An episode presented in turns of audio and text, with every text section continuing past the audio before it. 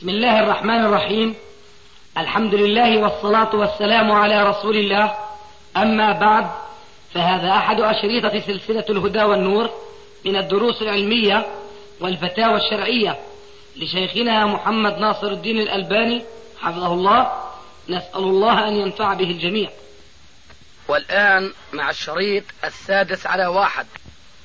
نعم. السلام عليكم ورحمة الله وبركاته. وعليكم السلام ورحمة الله وبركاته ومغفرته مساك الله بالخير. مساك الله بالخيرات والبركات كيف حال أستاذنا؟ الحمد لله بخير. كيفك أنت؟ الحمد لله رب العالمين. كيف عيالك؟ كلهم بخير الحمد لله. الحمد لله. أستاذي نعم. آه، أحد إخواننا في عنده سؤال حول أنه رجل آه، يريد شراء عملة. إنها رخصت الآن بالسوق يعني السوق صار رخيص جدا. نعم. على أساس أنه بس يرتفع السعر يبيع هذه العملة. طبعا عملة ورقية. نعم. فهل يجوز ذلك؟ لا أرى جواز ذلك. ما دليل ذلك أستاذنا؟ شو الدليل على هذا؟ دليل يعني يحتاج إلى مقدمات ويحتاج إلى علم. نعم. هذه العملة الورقية ليس لها قيمة ذاتية. قيمتها بالنسبة للذهب المدخر لها. مفهوم؟ نعم أنا أسمعك أستاذي. إيه بس مفهوم ولا أعد مرة ثانية. قلت إنه فهم هذه المسألة فيه دقة. نعم. لأن هذه العلم الورقية ليس لها قيمة ذاتية أي نعم. يعني الورق الأبيض السابع تنتفع منه أكثر من هذا الورق المطبوع. أي نعم. لكن قيمتها اعتبارية. أي نعم نعم. فهمت الآن. بال- تختلف القيمة باختلاف البلاد والدول. نعم. فورقة مثلا أصغر من الأخرى بتكون قيمتها أغلى من الأخرى. واضح؟ واضح. طيب. إذا هذه قيمتها اعتبارية. وقيمتها بالنسبة للذهب المدخر لها. أي نعم. ونحن نشوف كل يوم بسعر كل يوم بسعر هذه أنا السورية مثلا. لما أجيت أنا البلاد كانت عشر ليرات سورية تساوي دينارا. أي نعم. هلأ تساوي ربع دينار. الله أكبر. إيه. فما دام هي ليس لها قيمة ذاتية قيمتها الذهب المقدر لها. شو الآن ننتظر ترخص لحتى نبيع لما تغلى إلى آخره. كأننا نبيع الذهب بالذهب. أي نعم. وبيع الذهب بالذهب لا يجوز إلا على التساوي مثل بمثل نعم. لهذا السبب لا أردت متاجرة بالأمر الورقي جزاك الله خير يا أستاذي. وإياك إن شاء الله. آه، الذي نعم الذي يأتي امرأته من من دبرها. هل يلزمها الاستغفار والتوبة؟ إذا بينه وبين ربه يعني؟ بينه وبين ربه. لا ما يلزم شيء. وايش بينه وبين الناس مثلا؟ إذا علم الحاكم آه ماذا يخاف؟ يفرق بينهما إذا كان تواطؤ تواطؤ من الطرفين نعم. أما إذا كان مرغمة كانت مرغمة وهو يأتيها رغما فيها فهو يعتبر لوطي فيقتل. الله أكبر. الليل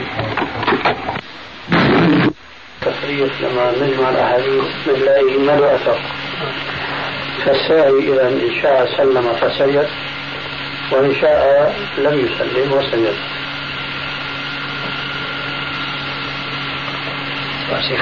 نعم.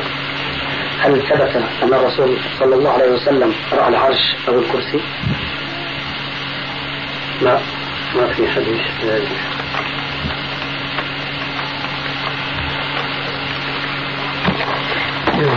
ثاني. نعم. حضرتكم بالنسبة الآن؟ سألني سؤال. امرأة وزوجها يعني تعالج كثيرا. عند الأطباء وفي المستشفيات وكذا.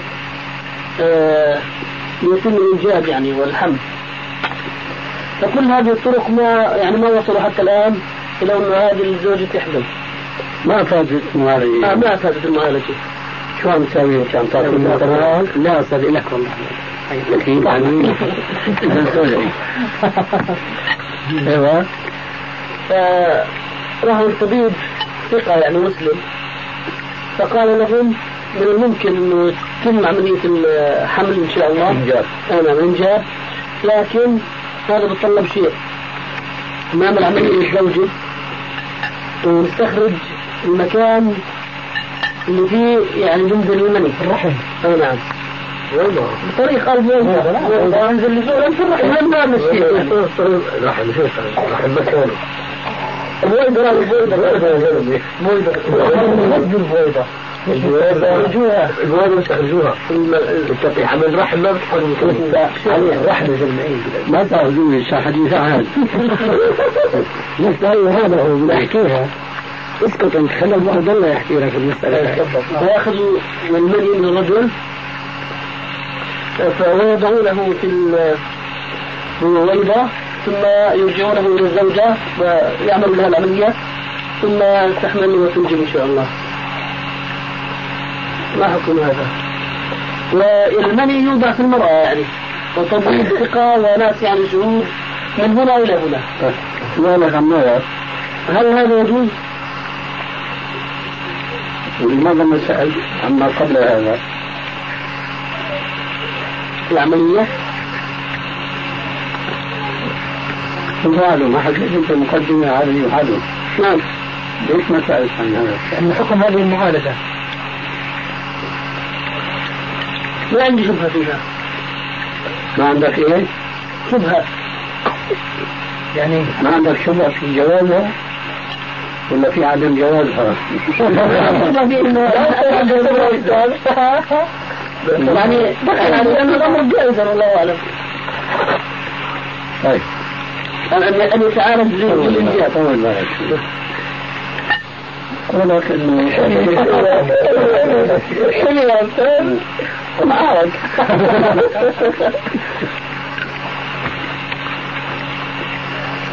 يعني قولك ما عندك شبه يعني ما تشوف في الجواز. نعم. في الجواز ما فعلوا قبل نعم. أما هنا جاءك الشك نعم. هل ما فعل من قبل معروف عندك؟ من الذهاب إلى الطبيب؟ بلاش الذهاب إلى الطبيب. نعم. الطبيب جاهلين معالجة. معالجة. أنت على علم عن نوعيه المعالجه؟ نعم. وياك يعني يكشف عليها؟ ويفحص الوجود على حالك ولا جاهز؟ لا هذا غير جاهز ما عندك الله خير. هو كان قد كتب بحثا في هذا. نعم. في الكشف على إنه اختار الطبيب وأعماله. آه والله. لذلك قلت لك لماذا تسأل عنها؟ طيب ما لك في حاجة تسألني عن الخطوة الثانية هذه شيخنا هو معتقد يعني يبدو والله اعلم انه يعني اعتبر انه ذهاب المرأة إلى الطبيب والطبيب هذا ضرورة للانجاب الاولاد اما في الحالة هذيك ما ضرورة لا لا هي ما فيها طبيعي شو السبب؟ شو اللي سابقا لاحقا لخص واحد كنت استاذنا مثلا مسألة الطبيب يعني مثلا الآن نحن هنا طيب بس الآن نحن هنا مثلا. مرضت امرأة وفي طبيب جنبنا. ومرضها يعني مثلا ظهر إنه متاثره جدا المرض هل نذهب إلى طبيبه مثل إلى الزرقاء أو كذا؟ ونترك الطبيب الذي هنا القريب يعني؟ هذا هو الواجب إلا إذا كان في خطر يعني مثلا الذي يظهر في الذي يظهر في خطر ظهر إنه في خطر سيدي كل شيء على حسب نعم نعم. حسب صبر الموت في خطر بحيث يخشى الناقضة عند الرجل ويأتيها اليقين. نعم نعم نعم. يجوز هذا خلاص مم. وهذا أمر تقديري. عندك الجواب أبو عبد الله. شنو الجواب؟ جواب؟ بتسألني انه معاهم الأولى. المسألة الأولى إنه آه. لا يجوز تذهب للطبيب وتكشف عن نفسك لكن السؤال الآن إذا قلنا طبيب طبيبي نفس المشكلة لا اطلاع الطبيب على عورة المرأة مو محرم لكن هذا تشد حرمة أخي قلت حاله في حال كل واحد من الشيخ مرة ذكر في بعض بيان هذا ما يسمى تحمل الوجوب قال الشيخ إن يكون الطبيب والطبيب هم من يعالجوا أنفسهم وهم من يكون في هذا العمل يعني كل فينا زوجين. هم بالضبط ما شاء الله. طيب أستاذنا لو يضطرب حيضها ولا يستقر. ذكر لي أحد الأطباء من إخواننا قال له جيبها المستشفى خلينا نكشف عن هذه الجديد التلفزيون. هذا التلفزيون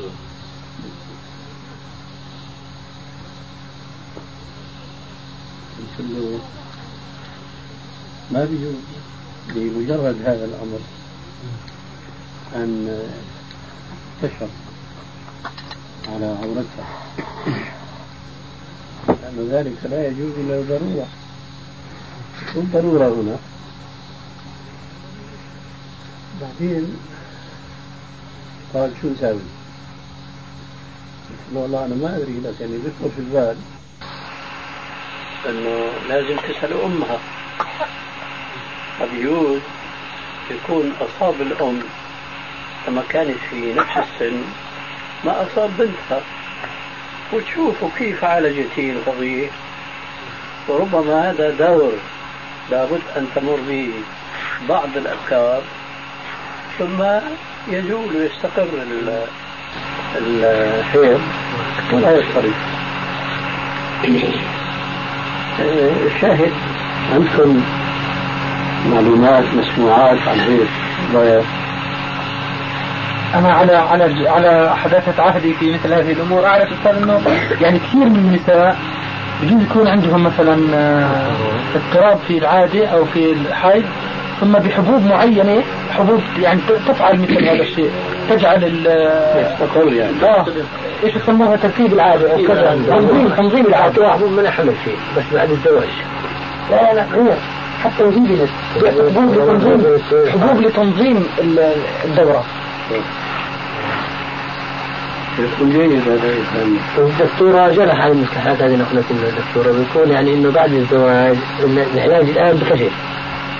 الان العلاج بيقتضي بعض الكشف. ليه؟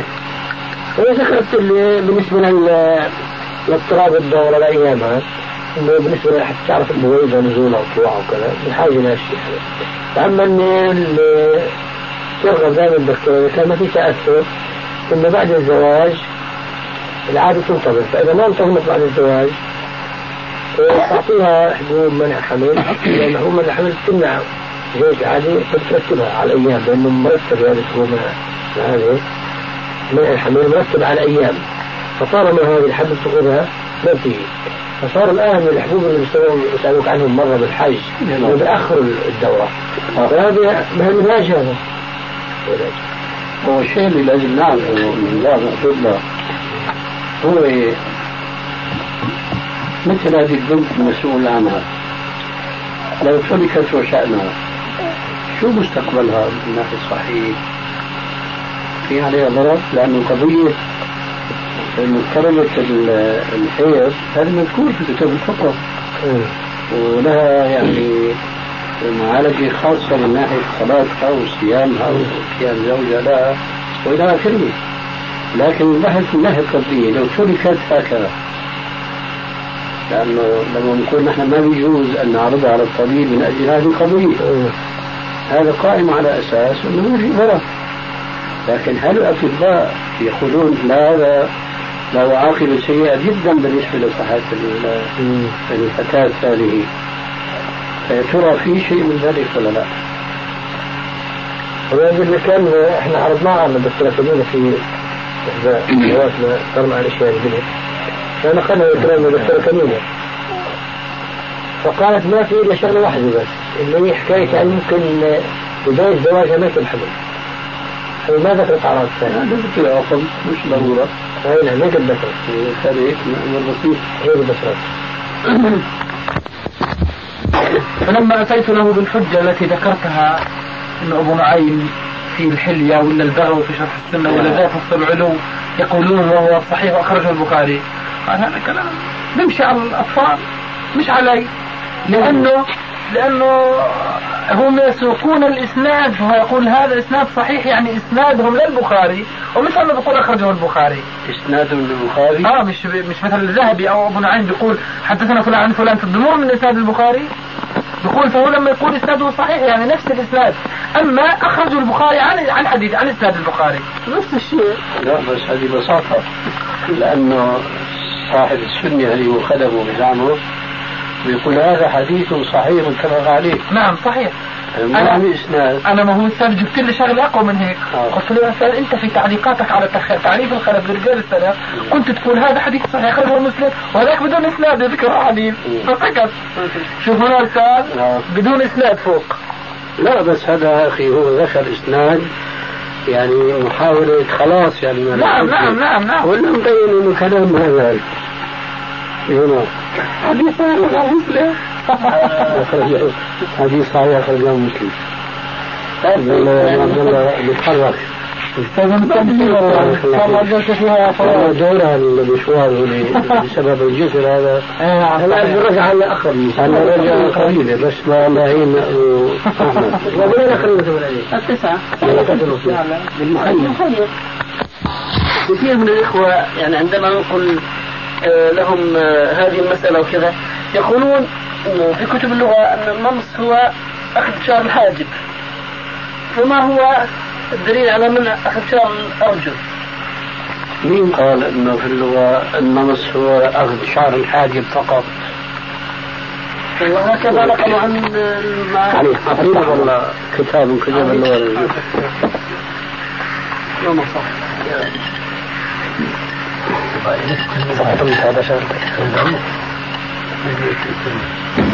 أنا بحث عن مسألة بعضهم يذكر نتف الحاجب وبعضهم يذكر نتف الخدين فقلت أن هذا ليس على سبيل الحصر وإنما على سبيل التمثيل مثال. أن النص هو بوزن النتف لفظا ومعنى. النمص لا يختلف عن النتف أبدا لغة وزنا لفظا ومعنى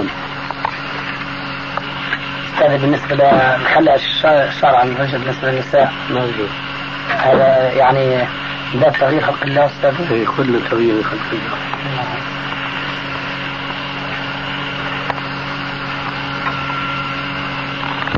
ولا إجزادي لا الحاجبين ولا الخدين نعم. الوجه ما في يا أخي ترتيب في اللغة. ثم تعليل معروف الحديث المغيرات لخلق الله آخره نعم. إذا في العلة تغيير خلق الله. لو كان من الأرجل أو اليدين وين كذا.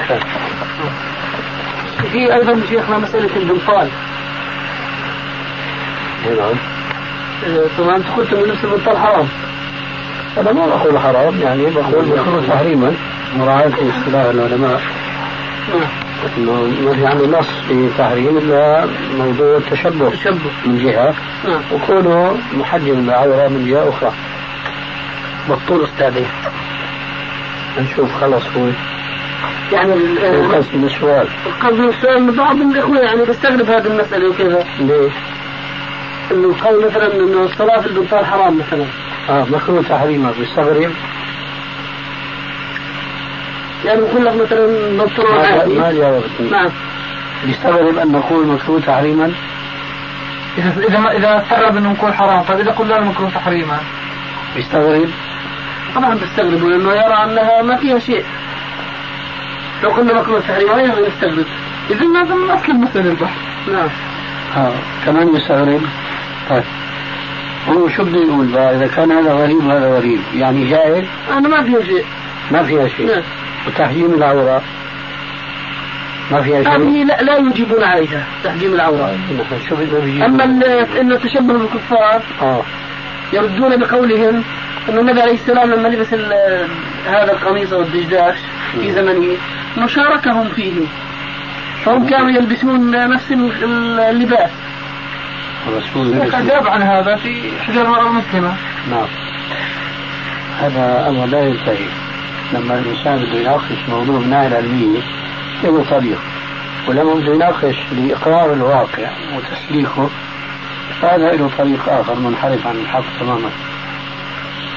أولا ليش بتركوا الجانب اللي أنت عم تقول عنه ما بيجاوبوا عنه؟ ليش ما بيجاوبوا عنه؟ ما عنده جواب. ما عنده جواب. نعم. إذا نحن بنقول لهم اتركوا هذا الشيء اللي تتصوروا في عندكم جواب. هاتوا نشوف هني شو رأيكم؟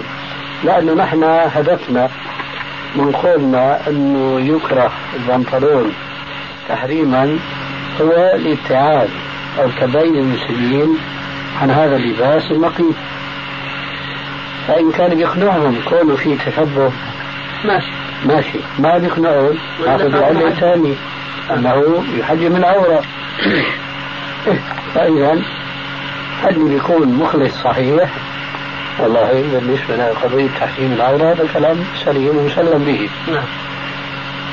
وإلا فإذا كان غرضهم من المجادلة في العلة الأولى قضية التشبه نعم. هو تسليك هذا الواقع السيء كما قلنا. وسيكون مثالهم. مثال بعض العوام اللي يقتلوا شرب الدخان. وبيسمعوا كلام طويل في تحريمه. ما هو الحكم الشرعي في شد الرحال إلى القبور؟ المسجد وشر البقاع الأسواق. فإذا كان النبي صلى الله عليه وسلم نهى عن شد الرحال إلى مسجد إذا فرضنا هذا الفهم يعني. إذا كان نهى عن شد الرحال إلى مسجد من المساجد الثلاثة. فمن باب أولى ينهى السفر إلى قبر من القبور الذي لا فضيلة له ولا مزية من حيث أنه لا شبه بالمساجد التي هي خير البقاع بعموم قوله عليه الصلاة والسلام. فإذا نهى عن شد الرحال إلى المساجد وهي خير البقاع إلا ما سوى المساجد الثلاثة فلا أن ينهى عن شد الرحال إلى أي مزار أو قبر. هذا من باب أولى. وهنا نستطيع أن نقول يلتقي صحة النظر مع صحة الأثر وليس بعد ذلك لأحد صبر جزاك الله. معلش والله قبل يعني. بس أنا أتوقع أنه يعني بجوز أخونا فهم المسألة غير هيك. لأن علماء السعودية ما يقولون. هو لا هذا الحقيقة أنا دورت نفسي. أن أعود إليه في آخر المطاف. أنه كيف هذا؟ هم بردوا بجوز يعني ساقوا في مساق الرد. يمكن يمثل بعض الكلام. كان هيك ما كان زي جواب الشيخ. طيب نحن الآن مشان توضيح القضية. نعم. نعم. أنت سمعت الكلمة من أولها إلى آخرها؟ أنا ناسي الآن هذا هو. فأنت تقول أنا سمعت. كيف؟ وضحت على حال استفدنا فائده كبيرة. هذا هو. سمحت البرنامج هذا سهل السؤال كثير يعني ياتون بعلماء افاضل معروفين يعني بن باز ابن باز العثيمين يعني والله مرات بيجيبوا علماء بيقعدوا يمكن هيك يمكن هيك. قضايا التوحيد بتصير. العثيمين بعطوا جواب؟ وصاحب الفوزان بعطوا جواب. والله يعني استفدنا من البتاع سمحت خلينا في سؤال تفضل. بخصوص قبل المرأة. قبل الأكل ولا بعد الأكل؟ بخصوص المرأة ما ظهر لونه وخفي ريحه. هل يجوز لها أن تخرج بعطر ليس له رائحة؟ في وجهها؟ في وجهها لا. والدليل على ذلك وليخرجن تفلات؟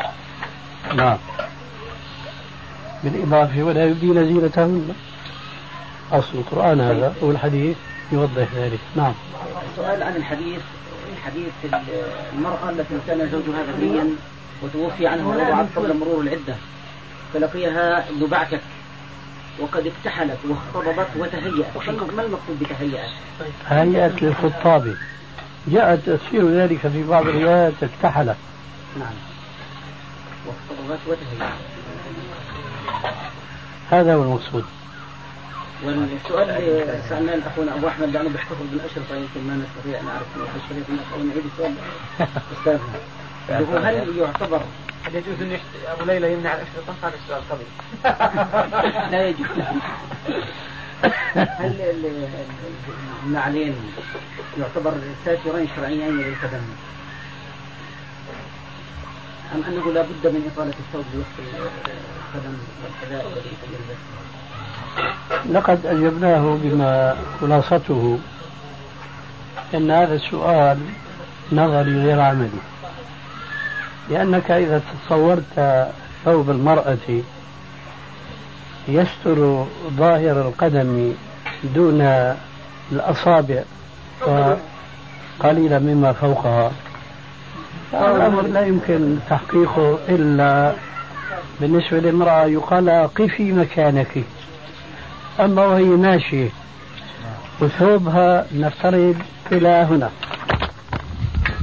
وبقية القدم مستور بالحذاء. طيب لما بدها تمشي. ما راح يظهر ما فوق المستور بالحذاء؟ لا يمكن إلا أن يظهر. نعم. عندما تمشي يظهر. نعم. لذلك السؤال غير عملي. غير عملي عندك شك في جواز ركوب الحمارة؟ والله ما في شك ابدا. ما في شك؟ بس بحكي لك إذا الشك جاء من اين جاء. السيارة ليس هي تهتم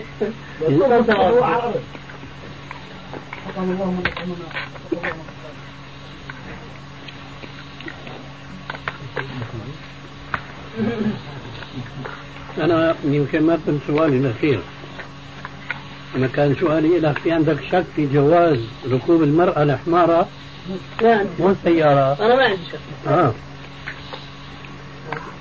نسأل الآن السؤال الثاني. ركوبها السيارة أشرف لها وأستر من حمارها نعم. السيارة. والله السيارة أكثر لا شك ولا ريب. يعني مضبطة أكثر من الجمل نعم. بيقول عنا بالشام. نسلم التم زي ما نرجع من الأول ما انتهت نرجع من الأول نعم إذا كان ركوبها السيارة أسهل لها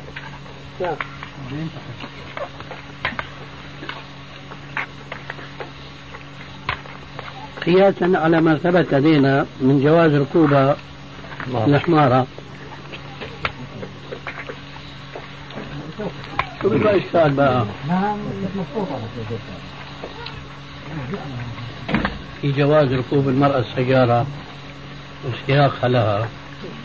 الإشكال طرح أنه بجوز يبنشن. نعم. الكفر الدولاب أنا بقول من باب الاستعارة بجوز الحمارة تبنشن بصير هذا ولا لا؟ طبعا. ممكن.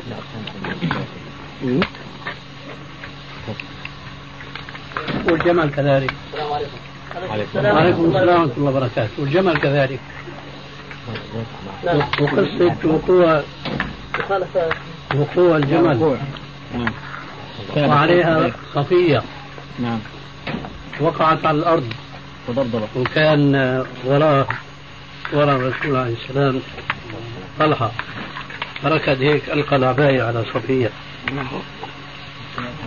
هذه صار ممكن يصير مع غيرها مع ذلك. الرسول عليه السلام ما منع المرأة تركب الدابة خلي الشيخ يقول يا إخواننا وبعدين عم يهضم.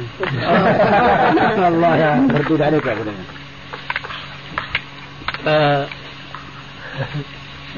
الاحتمالات بقى الطارئة لا قيمة لها مقابل هذا القياس الأولوي.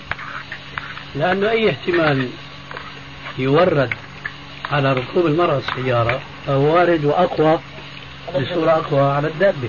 في احتمال واحد أستاذ الله أعلم إنه مش وارد. إنه الآن إذا في مرأة سائقة سيارة صدمت واحد يجب أن تذهب إلى المقفر بنفسها. بينما الحمارة لا تصدم ولا يحصل منها أي شيء. مثل لا هذا خطأ. إذا حمارة بيوت تدفس تدلمي مسكين بعدين فيها. دائما تقرب مع السيارة يترك الحمار لو سرقت الجبل بدون رخصة ما نسوها مرة السيارة رخصة نسوها أي نعم تفضل. من الأحوال الزمن يعني ورقة الدين. الحمد لله. وما شابه ذلك. هل تدخل قاعدة. درء المفاسد في هذا الموطن؟ عليكم السلام ورحمة الله وبركاته. أكل طعامك أبرار. وصلت عليكم ملائكة وأفطر أن تكونوا الصائمون كل اللحم صار الدم مني. ما أكلت رز أكلت لحم. يعطينا عافية. طيب ظبط إلي أحد. كل من بركة الشيخ كل والله بركتك.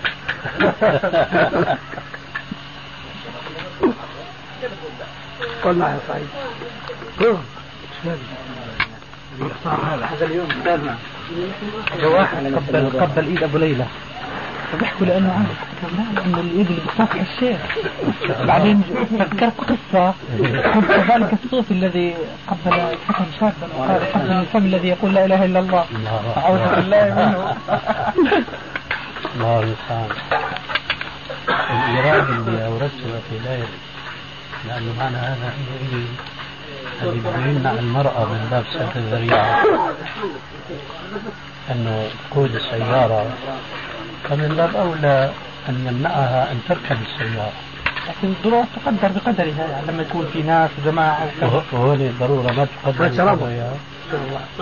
الزمن واحد. أنت عم تحكي عن الزمن. عم تربط. باب سد الذريعة بزمننا هذا. في أي معناه أن المرأة لا تركب بالقصر؟ لكن لما يكون معها ناس يعني جماعة تقل الخطر كثيرة. خطر إيه؟ يعني مثلا لأنه يعني الآن مرة في سوق سيارة لحالها ممكن في منطقة كذا يخرجوا لها ناس هذا في الصحراء ولا في المدينة؟ حتى في المدينة بعض المناطق النائية هيك. هذا يقال أخي في أي سيارة يركبها امرأة أو امرأتان بالأجرة وهذا إذا قيل معناها ضيقنا واسعا ورحمة الله وعليكم السلام ورحمة الله وبركاته. طب ما يمكن أن تتعرض إلى المرأة مثلا من أثناء القيادة من أنها تصطدم بسيارة أو تصطدم كل شيء أخي ممكن كل شيء ممكن. فاصطدام بسيارة إنسان ما يكفي كل شيء ممكن يصير بالسيارة ممكن يصير بالدابة اللي راكبتها هي بس ممكن إذا صار دابة مع دابة يؤدي إلى سجن يعني صاحب مش دابة مع دابة دابة مع إنسان. أو دابة مع دابة إذا دابتك دهمت واحد بياخذوك على السجن بظل الاحتمال هذا. بلاش يا أستاذ دخول الجنوب إلى إلى حمام البخار. هل هذا يسقط عنه الجنابة؟ حمام بخار فقط. شو معنى حمام بخار؟ يعني يدخل في مكان مملوء بالبخار. فإذا ما دخل في هذا المكان وبرودة جسمه والبخار تقاط- تكثفت قطرات الماء على جسمه. من رأسه إلى فادي استاذن لنا. السلام عليكم. وعليكم السلام. أهلا وسهلا. وعليكم السلام. وبركاته. كان بعض السلام. ورحمة الله وبركاته وعليكم السلام. هل تعتقد عربية أنه اغتسل؟ لا هو هو آه، لا تحل. الله أكبر. لا تحل. ما غلط اسمه حماد. إيه. اسمه رجل بعدين قولك اسمه حمام. خطأ. قولك اسمه حمام خطأ. لغة. أنت رجل عربي تخطئ في اللغة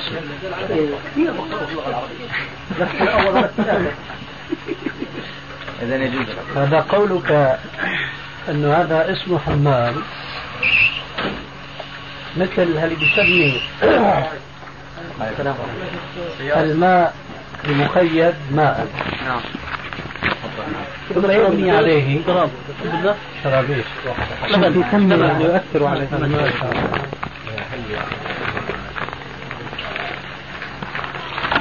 شوف أنت من يا أبو ماهر.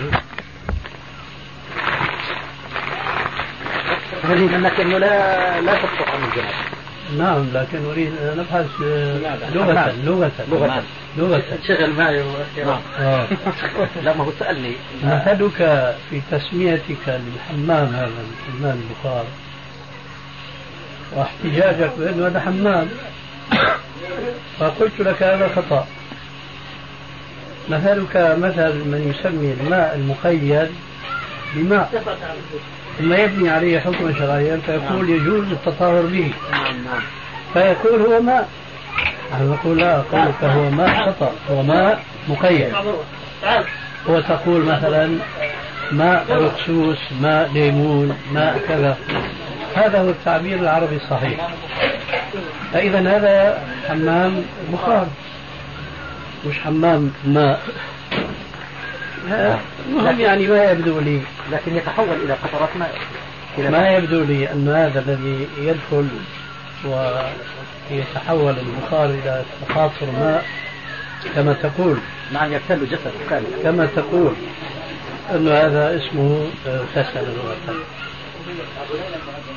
وخاصة نحن نرى أن المضمضة والإستنشاق لابد منهما. فلعله من قوة البخار بيدخل بقى. كذلك الرأس أستاذ ويصير المضمضة والاستنشاق كذلك العورة أنت تعرف أن بعض العلماء يوجبون الدلكة بدك تمسك الإبريق بالإيد الشمال والكاس بالإيد اليمين. خليك حتى شوف تعال تعال. تعال عشان تملك. أيوه إيوه. هلا بتيجي بتعطيني. نص كاس نص يداس عليها أيوه بس مشان تتعلم على السني بارك الله فيك. الله أكبر الله أكبر. الله أكبر الله أكبر. تفضل. أشهد أن لا إله إلا الله. شو بيقول الأخ له في كوف. الله يهديك أشهد أن لا إله إلا الله. أشهد أن محمدا رسول الله. أشهد أن محمدا رسول الله. لا يكذبوا حي على الصلاة. لا يقدر حي على الصلاة. على اليمين على اليمين. هو ظل عليه قائما حي على الفلاح سامحك الله يا حي ولد على الفلاح. غبناك انفا. الله أكبر الله أكبر. لكن هي غيبة يمكن داخل شرعية نوع الستة لا إله إلا الله.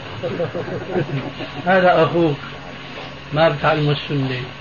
إنه يمسك اليمين الكاسة والشمال يصب يعطي بالشمال عوض اليمين بدك تعتني فيه؟ إن شاء الله. هلا هذا أنت مسؤول عنه. كلكم راعين كلكم مسؤول عن رعيته والله بنذكرهم بشغلة اليمين دائما بس عاد. بدها متابعة أخي ما يكفي بدها متابعة شيخنا نعم. إحنا ها؟ صحيح هاي معلش. بنرسم لهم إشارة على الايد اليمين للأولاد. بصير يقول بابا انمحت الإشارة هذه اليمين. حط لنا إشارة يمين نصلي. عشان يظهر متابعة. إيه، صلي ركعات يلا اقم الصلاة السؤال عن الصلاة يقول الاستعاذة قبل القراءة في الصلاة. في آثار ثبتت عن عمر أن الاستعاذة في كل بداية ركعة وفي بداية كل ركعة. ما عليك. ما أعلم أو عن غير عمر. نعم؟ أو عن غير عمر.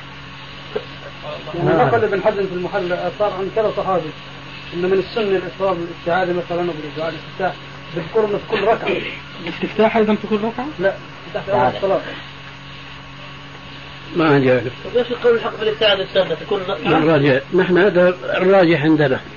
يا الله أشهد أن لا إله إلا الله. أشهد أن محمدا رسول الله حي على الصلاة حي على الفلاح هذا في يوم الجمعة. يعني أنه أمر خاص بالجمعة وهذا أيضا النهي أنا أفهم أنه أيضا معقول المعنى. لأنكم تعلمون. وهذا ذكرناه دائما لما تطرح هذه المسألة. فما أدري شو الداعي بقى لإعادة طرح المسألة والإفاضة فيها. لنا شبهة جديدة. كل يوم. أما يتمسك بالسنة فما تؤثر فيه الشبهات الجديدة. فأنتم تعلمون أمر الرسول صلى الله عليه وسلم أو بمعنى أوضح. حض الرسول عليه السلام أصحابه الكرام أصالة والذين يأتون من بعدهم تبعا أن يبكروا في الذهاب إلى المسجد يوم الجمعة. كما تعلمون من حديث البخاري من راح في الساعة الأولى فكأنما قرب بدنه إلى آخر الحديث. ثم الأحاديث الأخرى التي فيها ثم صلى ما بدا له ما كتب الله له ثم جلس وأنصت إذا صعد الإمام خطب غفر الله له ما بينه وبين الجمعة التي تليها. كيف يمكن التوفيق بين هذه الأمور التي رغب فيها الرسول عليه السلام ترغيبا بالغا وبين إجازة تدريس الخطيب قبل خطبته. كيف يمكن هذا؟ ثم كيف يمكن أن نتصور درس يلقى قبل الخطبة ثم يليه خطبة على المنبر؟ والرسول عليه السلام طيلة حياته المباركة ما عرف عنه هذا الشيء. لو لم يكن نهى عن التحلق يوم الجمعة لكفانا أنه لم يكن من فعل الرسول عليه السلام أولا ثم فيه إخلال بالنظام اللي وضعه للداخلين المسجد يوم الجمعة من التبكير والاشتغال بالذكر والصلاة. صلاة ما بدا له كما جاء في الحديث. كيف يمكن هذا التوفيق بين جواز التحلق يوم الجمعة أي التدريس يوم الجمعة مع التشويش على هؤلاء علما أن النبي صلى الله عليه وسلم سمع يوما رفع أصوات في المسجد وليس يوم جمعة فأزاح الستارة وقال يا أيها الناس كلكم يناجي ربه فلا يجهر بعضكم على بعض بالقراءة فتؤذوا المؤمنين. وأي أذى أشد من إيذاء جماهير المصلين يوم الجمعة بالدرس الذي يشوش على الحاضرين فيه. شو الشبهة الجديدة بالي؟ طيب. شيخنا نحتج عليهم أيضا بأنه لابد من الفصل بين الفريضة والسنة. يعني على اعتبار أنهم يستحبون هذا الدرس. فهم يلقنون هذا الدرس لخطبة الجمعة. فلا يكون هناك فصل. والنبي عليه الصلاة والسلام أمر بالفصل بين بين الفريضة وبين السنة فمن باب أولى أن يكون هناك يعني هذا الاحتجاج مقبول له وجه. أو من بيت العنكبوت. لا وجه لا وجه له. هناك من يحتج. نعم. هناك من يحتج. بالأثر المصحح إسناده عن أبي هريرة أنه كان يأخذ برمانتين ليس فيه حجة ليس فيه حجة. كيف يحتج بأثر يخالف سنة الرسول عليه السلام؟ يقولون يقولون أن هو لا يخالفها وإنما يبين أن المقصود بالحلق أي التحلق حلقات حلقات. كأنك ما سمعت الرد سابق الذكر. سمعت هذا إذا إيش معنى الكلام هذا؟ هم يقولون يعني إحنا معليش يا أخي؟ هم يقولون قل أنت. هم يقولون كذا فقل أنت عليهم كذا. قل الذي سمعته. نعم. كيف يوفق بين هذا القول دعك والتحلل هلا بحثنا ما هو التعلق. كويس؟ هم يفسرون النهي عن التعلق بماذا؟ فعل الحلقة إيه. أليس هكذا؟ إذا حنجتمع هيك والشيخ يقوم بيلقي الدرس صح؟ نعم. زال التعلق المزعوم في دعواهم نعم. طيب. والاعتراضات اللي أوردناها آنفا. شو صار فيها؟ تبقى قائمة. طيب فإذا لماذا أنت أبقيت هذا الإشكال قائما؟ ثم في حاجة أخرى وهي بالحديث نفسه في رواية للحديث. نعم. نهى عن من الحديث. كويس. بعضهم. احتج بأن طبعا ممن ينصر عدم الدرس عدم التدريس أن الذي روى هذا الحديث هو عمرو بن عبد الله بن عمرو بن العاص وهو سكن عمرو بن شعيب عن أبيه عن جده آه عبد الله بن عمرو بن العاص. ف... وهو سكن مصر فلعل الأثر أو هذه السنة لم تبلغ الصحابة الذين درسوا في المدينة وأتى بشاهد له من صحيح مسلم أن ابن عمر كان يكري الزراعة في في زمن الرسول وأبي بكر وعمر حتى جاءه أمر رافع بن خديجة أن الرسول نهى عن ذلك فانتهى فهل هذا احتجاج مناسب أم غير مناسب؟ يا أخي شو شو فائدة هال هالكلام هذا كله؟ شو انبنى عليه؟ ابن عليه إنه إذا بلغ أبي هريرة النهي أبا هريرة النهي كيف يفعل هذا؟ شو عرفك إنه بلغه؟ وليس أنا بقول ما بلغ طيب وأنا بقول معك لكن هذا التوجيه اللي عم توجهه بيأكد لك إنه ما بلغه؟ والله هيك لا الأصل إنه الصحابي ما بيخالف الحديث وأنا قلت مرة بعد ما درست سند هذا الاثر ممكن إنه ابن إنه أبو هريرة فعل هذا لأمور عارضة كما نقول بالنسبة للدعاء في في خطبة الجمعة. لا يشرع لكن لامر عارض يشرع. لكن ما عندنا انه أبو هريرة كان كل جمعة كل جمعة حياته كلها. سنة ما في عندنا. طيب شيخنا في نفس الموضوع. طب ممكن نحتج على المخالفين بأن النهي في الحديث يقتضي الفساد بهذه القاعدة الأصولية؟ كما أنه نهي عن البيع والشراء وفقدان الضالة. وكذلك نهي عن هذا الفعل. فكل هذه داخلة في نعم ما يرد هذا الكلام. شو الفساد؟ فساد ماذا؟ فساد الفعل في هذا الوقت. فاسد صار شو الفاسد؟ العمل العمل المنهي عنه عمل المنهي عن التحلق فاسد يعني لا لا عمل المنهي عنه مو منهي عن التحلق طب أبو انس آه، يعني من كتاب للإمام العلائي تبيين المراد في أن يق- في أن النهي يقتضي الفساد. يعني من هذا الباب آه، أي بس ما له علاقة بموضوع مسألة يتعلق بشخص إلا على رأي بعض المسائل متعلقه بالسنه وكذا شيء اخر مفهوم الحجاب من المرأة على زوجها. تذكر في بعض الكتب إن لا تنتشط لا تدهن لا تخرج فبدنا السنة كما جاء الكتاب.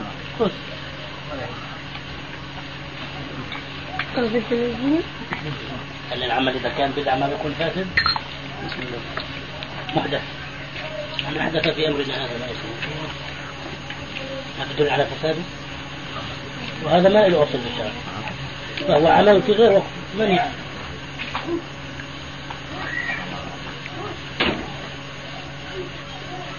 يعني؟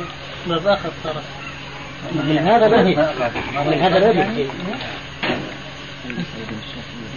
بالنسبة للمرأة تتوقع من زوجها.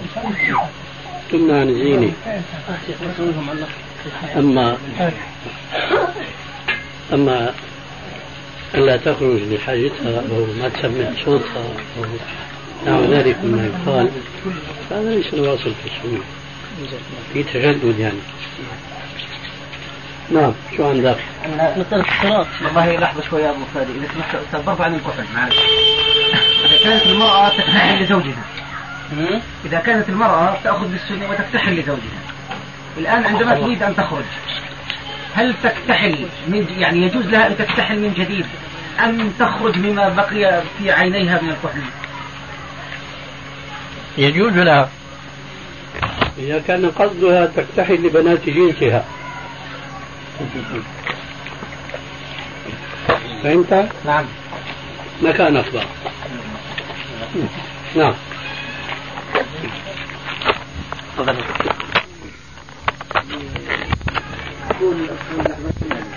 عند بنات جنسها أستاذ النزول الطريق. نية. نية. يعني المسألة راجع إلى النية؟ طبعا. لذلك فرقنا بين التي تتزين لزوجها والتي لا تتزين إلا إذا خرجت. نعم نعم. وعامة النساء للأسف اليوم هكذا. كمان في سؤال برضو أوصلنا أخونا أبو ليلى في الجواب لكن ما جاوب الجواب الشافعي؟ نريد أن نسمعه الآن إذا سمحت. متى يجوز أن تلعن المرأة التي تخرج كاسية عارية؟